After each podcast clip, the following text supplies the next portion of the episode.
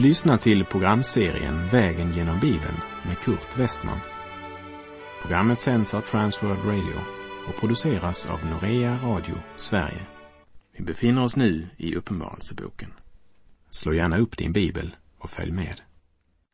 På vår vandring genom Bibelns sista bok, Uppenbarelseboken, så har vi kommit till det tionde kapitlet som säger att Gud har ytterligare något att säga både till världen och till församlingen. Och avsnittet från kapitel 10, vers 1 till och med kapitel 11, vers 14 kommer som en parentes mellan den sjätte och den sjunde basunen. Det var ju en liknande parentes eller paus också mellan det sjätte och det sjunde sigillet. Och kapitel 10 inleder med att presentera en väldig ängel som i sin hand har en liten bokrulle som är öppnad. Och det är tydligt att det inte handlar om den bokrulle som vi läste om i kapitel 5, som hade skrift både på insidan och utsidan och som var förseglad med sju sigill. Vi läser Uppenbarelseboken 10, vers 1. Och jag såg en annan väldig ängel komma ner från himlen klädd i ett moln och med regnbågen över sitt huvud. Hans ansikte var som solen och hans ben som pelare av eld. Lägg märke till att Johannes säger att han såg en annan ängel. Så det är alltså inte en av de sju änglar med basuner, men det är en annan ängel. Johannes beskriver honom som en väldig ängel. Och jag tror inte bara att det har med storlek att göra. Men synet av den här ängeln gör ett mäktigt intryck på Johannes. Jag vet att det finns flera seriösa bibellärare som anser att det här handlar om Kristus.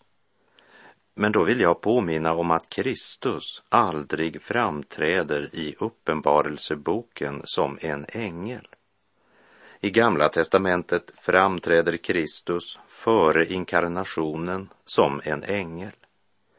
Men efter att han kom till jord i mänsklig gestalt, led och dog på korset för våra synder och uppstod och mottog en förhärligad kropp, så ser vi honom nu vid Faderns högra sida som lejonet av Juda. Lammet som hade varit slaktat, men som nu lever och som ska komma åter för att döma levande och döda. Så när Johannes i relation till de sju änglarna med de sju basunerna säger att han såg en annan ängel, så betyder en annan att det är ett annat Herrens sändebud av samma kategori som de sju som blåser i basunerna. Vi har också tidigare i Uppenbarelseboken mött en väldig ängel. Det var i kapitel 5, vers 2 där det står och jag såg en väldig ängel som ropade med hög röst. Vem är värdig att öppna bokrullen och bryta dess sigill? Men att ängeln i kapitel 10, vers 1 inte är Kristus är ganska klart. Samtidigt kan vi med säkerhet säga att han kommer som den som är utsänd av Kristus. För han har förbundstecknet fredsförbundets kännetecken, regnbågen, över sitt huvud. Hans ansikte var som solens. Solen talar om Guds nåd som strålar emot oss i Kristus. Och benen av eld talar om dom. Och kanske är det just denna myndighet som tillhör Kristus och som denne ängel bär med sig, som har fått en del bibellärare att tänka att denna ängel är Kristus. Men I samband med det så vill jag bara påminna om att Kristus aldrig framträder i Uppenbarelseboken som en ängel. Att ängeln beskrivs som om han var Kristus betyder bara att han representerar Herren i egenskap av hans sändebud. Och låt oss nu höra vad Johannes har att säga om denna väldiga ängel. Vers 2 och 3. I handen hade han en liten bokrulle som var öppnad. Han satte sin högra fot på havet och sin vänstra på jorden och ropade med hög röst som när ett lejon ryter. Och då han hade ropat talade de sju åskorna med sina röster. Här talas om en liten bokrulle, vilket säger oss att det inte handlar om bokrullen vi läste om i kapitel 5, som hade skrift både på insidan och utsidan och var förseglad med sju sigill. Så det vi här möter utgör alltså bara en liten del av historien om vår tidsålders avslutning. Denna bokrulle är alltså öppen, medan den vi läste om i kapitel 5 var förseglad. Den lilla bokrullen utgör därmed en del av den stora bokrulle vars sigill endast lammet som hade varit slaktad är värdig att öppna. Och vi ser att bokrullen som Guds sändebud, den väldiga ängeln, håller i handen är öppnad. I handen hade han en liten bokrulle som var öppnad. Han satte sin högra fot på havet och sin vänstra på jorden och ropade med hög röst. Det vill säga budskapet gäller hela skapelsen, hela världen. Profeten Joel säger i Joel 3, vers 16. Och Herren upphäver ett rytande från Sion och från Jerusalem låter han höra sin röst så att himlen och jorden bävar. Men för sitt folk är Herren en tillflykt och för Israels barn ett skydd. Vi läser igen Uppenbarelseboken 10, vers 2 och 3. I handen hade han en liten bokrulle som var öppnad. Han satte sin högra fot på havet och sin vänstra på jorden och ropade med hög röst som när ett lejon ryter. Och då han hade ropat talade de sju åskorna med sina röster. Lejonets ropande lejonets vrål. Det talar till oss om fara och ödeläggelse. Lejonet är ju tyst och smyger när det går på jakt, men utstöter ett vrål när den kastar sig över sitt byte.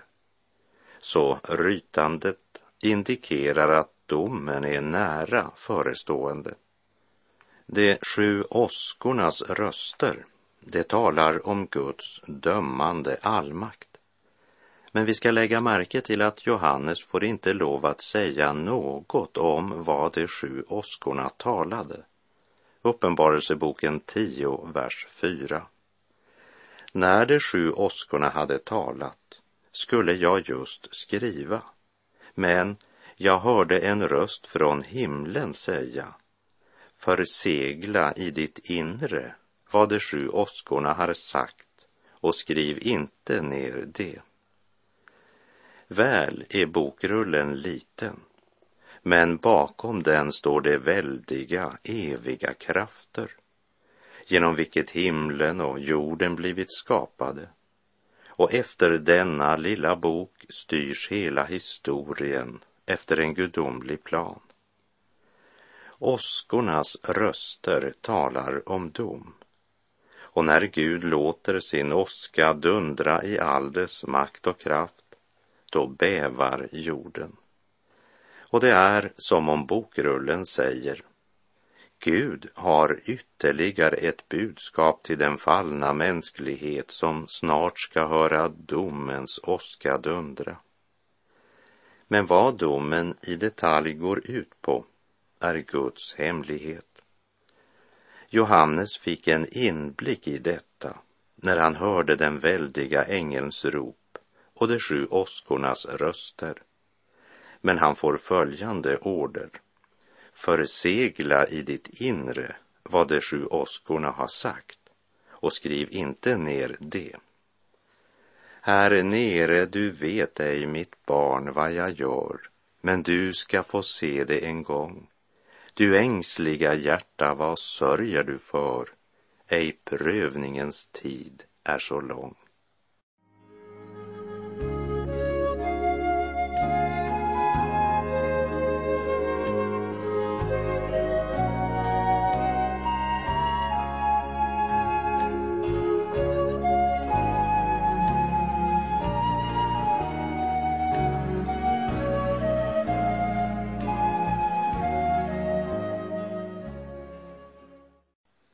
Vi läser Uppenbarelseboken 10, vers 5 och 6.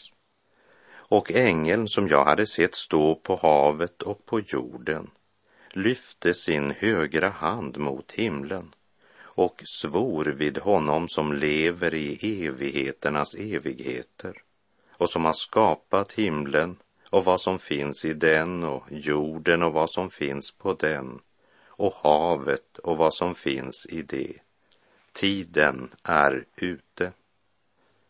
Men i de dagarna när den sjunde ängelns röst hörs och han blåser i sin basun, då är Guds hemlighet fullbordad, så som han har förkunnat i det glädjebudskap han gett sina tjänare, profeterna. Denna ängel som Johannes beskrev som väldig och som hade ropat med hög röst som när ett lejon ryter. Han svär nu vid honom som är alltings skapare och upprätthållare och som lever i evighet. Det vill säga, han talar i hans namn med myndighet från Gud. Han är bara ett sändebud, en brevbärare. Och innan han överräcker brevet presenterar han avsändaren.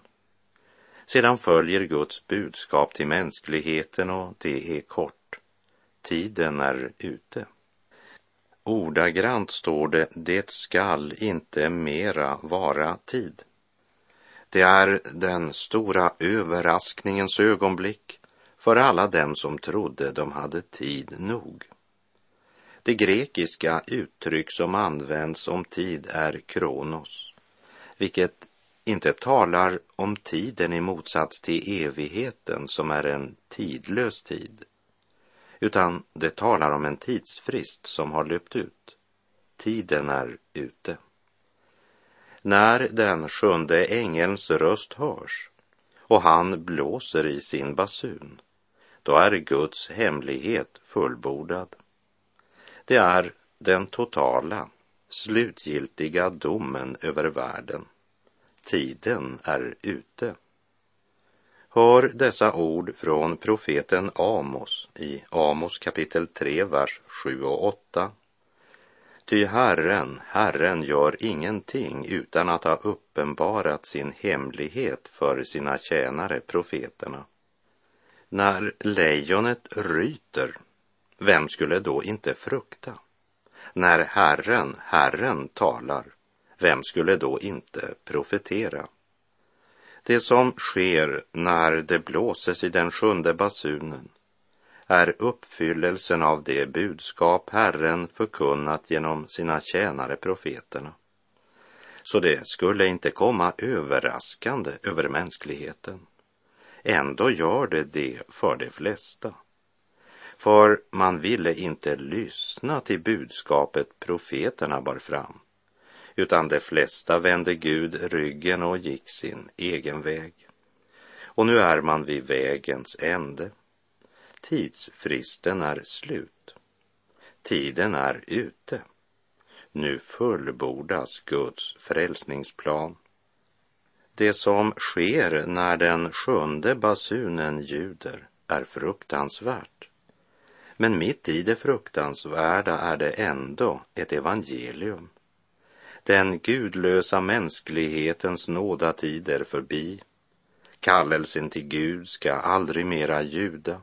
Aldrig mer ska förlåtelsens budskap förkunnas. Den sista inbjudan har tystnat. Tiden är ute. Men det betyder också att Guds frälsningsplan är fullbordad. Vår förlossning är nu en verklighet. Guds rike, nåden, glädjen, renheten, heligheten, ljuset, sanningen har segrat.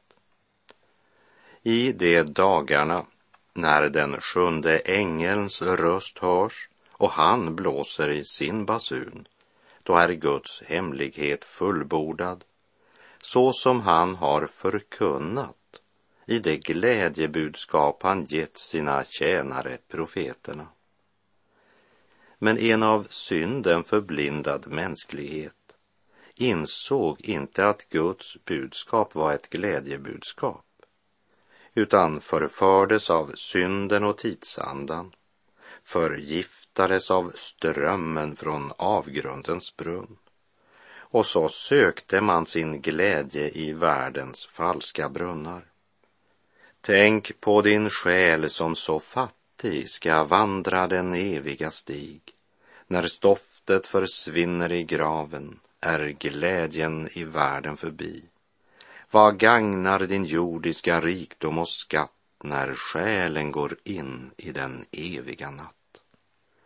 Och ängeln som jag hade sett stå på havet och på jorden lyfte sin högra hand mot himlen och svor vid honom som lever i evigheternas evigheter och som har skapat himlen och vad som finns i den och jorden och vad som finns på den och havet och vad som finns i det. Tiden är ute. Men i de dagarna när den sjunde ängelns röst hörs och han blåser i sin basun, då är Guds hemlighet fullbordad så som han har förkunnat i det glädjebudskap han har gett sina tjänare profeterna.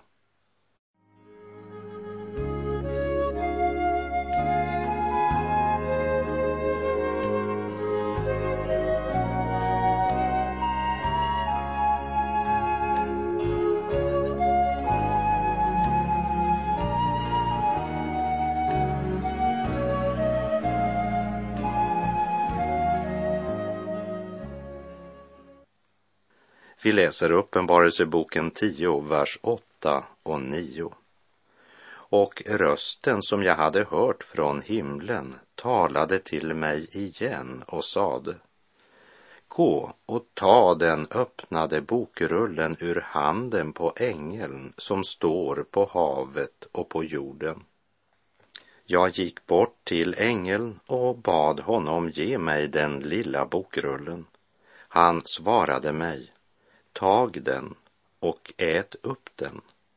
Den ska ge en svidande smärta i din mage, men i din mun ska den vara söt som honung. Först vill jag fokusera på detta. Det handlar nu om en bokrulle som är öppnad. Dess innehåll är nu uppenbart. Och här går mina tankar till Jesu ord i Lukas 10 och 22 där han säger Allt har min fader överlämnat åt mig och ingen vet vem sonen är utom fadern och ingen vet vem fadern är utom sonen och den som sonen vill uppenbara honom för. Sonen, lammet som har blivit slaktat men som nu lever, är den som är värdig att bryta sigill och uppenbara hemligheter. Och han är den som har sänt oss hjälparen, den helige Ande. I Johannes 16, vers 13 säger han, men när han kommer, sanningens ande, då ska han föra er in i hela sanningen. Ty han ska inte tala av sig själv, utan allt det han hör skall han tala. och han ska förkunna för er vad som kommer att ske. Och Johannes får denna order. Gå och ta den öppnade bokrullen ur handen på ängeln som står på havet och på jorden. Den öppnade bokrullen med det gudomliga budskapet. Ord från Gud, inspirerade av sanningens ande, talat genom de heliga profeters mun, skall aposteln Johannes nu äta. Det vill säga, det han ska predika, det ska han först själv ta till sig som föda. Det ska genom matsmältningen gå ut i hans kropp. Med andra ord, budskapet ska bli ett med budbäraren. Först ska han själv tillägna sig bokrullens innehåll innan han kan ge Guds budskap vidare till andra. Han måste först själv fyllas av detta ord innan hans bägare kan flöda över till andra. Och Jesus själv uttrycker den sanningen så här i Johannes 7.37. Den som tror på mig, ur hans innersta ska strömmar av levande vatten flyta fram, som skriften säger. I Johannes mun så var bokrullen söt som honung, men i hans mage gav den en svidande smärta eftersom han måste förkunna hela sanningen om syndens fruktansvärda konsekvens. Men budskapet blir ett glädjens budskap för den som böjer sig för Gud och tar emot budskapet i tro. Vi läser Uppenbarelseboken 10, vers 11 och 12. Och man sade till mig, du måste profetera på nytt om många folk och folkslag och språk och kungar. En mätstång som liknade en stav gavs åt mig med orden Stå upp och mät Guds tempel och altaret och dem som tillber därinne. Herren började med att uppenbara sin makt och härlighet. Och det är speciellt nödvändigt att Herren påminner sina tjänare om sin makt, sin härlighet och godhet. Speciellt i en tid då det ser ut som Guds församling ska gå under. Vi minns från det första kapitlet att Johannes blev påmind att budskapet kom från Herren Jesus Kristus, det trovärdiga vittnet, den förstfödde från de döda och härskaren över jordens kungar. Han som älskar oss och har friköpt oss från våra synder med sitt blod och som har gjort oss till ett konungadöme till präster åt sin Gud och fader och honom tillhör äran och makten i evigheternas evigheter. Och här i det tionde kapitlet är det som Herren säger till Johannes. Även om du har predikat i många år och även om du har blivit förvisad av myndigheterna till ön Patmos så har jag fortfarande en uppgift för dig som sanningens budbärare. Också i vår tidsålders avslutning har Gud något att säga till mänskligheten. Herren vet att de flesta nog inte kommer att lyssna, men de ska ha möjligheten att höra och att rädda sin själ. Det var ju samma röst som förbjöd Johannes att skriva ner vad de sju åskorna hade talat, som beordrade honom att äta upp den lilla bokrullen, det vill säga att tillägna sig dess innehåll för att sen förmedla det till andra. Likt Johannes lever också du och jag i spänningen mellan den förseglade boken och den lilla bokrullen vi ska tillägna oss. Och poänget, det är inte att vi ska spekulera över detaljer när det gäller tider och stunder och hur det ska ske. Men att vi lever obesmittade av denna världen och hör vad anden säger till församlingarna. I Markus 4.40 säger Jesus Varför är ni rädda? Har ni ännu ingen tro? Och i Predikaren 3.11 står det att Gud har lagt evigheten i människornas hjärtan. Du är skapad till gemenskap med din skapare. Hör hans ord, tro hans ord. Otro och avfall från sanningen betyder bara att människan börjar tro lögnen. För otron, den har en tendens att bli vidskeplig. Så i en gudlös kultur så är människorna redo att tro på vad som helst utom på Gud. Toralf Gilbrand sa, vår tids kulter och religionssurrogater är Satans erbjudande om en ersättning för den kristna tro som mänskligheten har vänt sig bort ifrån. Men låt oss komma ihåg att allt detta, det har skriften förutsagt. Och aposteln Paulus gav sin unge medarbetare Timoteus denna varning i Första Timoteusbrevet 4, vers 1.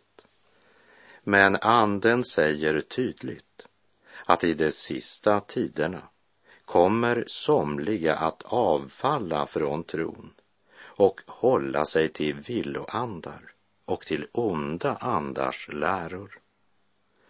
Låt oss likt Johannes äta Guds ord, låta ordet bli så ett med oss att vi delar Guds smärta och kan ropa ut budskapet medan det ännu heter idag. Och med det så är vår tid ute för den här gången.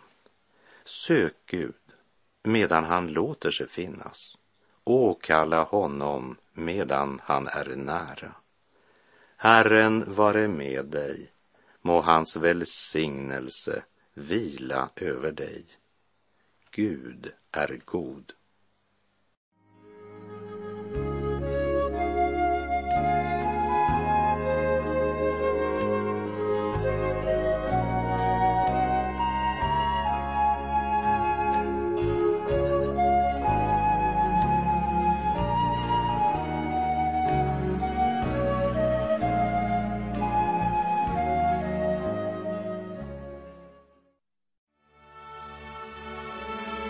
Du har lyssnat till programserien Vägen genom Bibeln med Kurt Westman som sänds av Transworld Radio.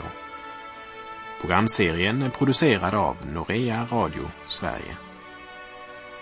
Om du önskar mer information om vårt radiomissionsarbete så skriv till Norea Radio Sverige, box 3419 103 68 Stockholm. Adressen är alltså Norea Radio Sverige box 3419. Postnumret 10368 Stockholm.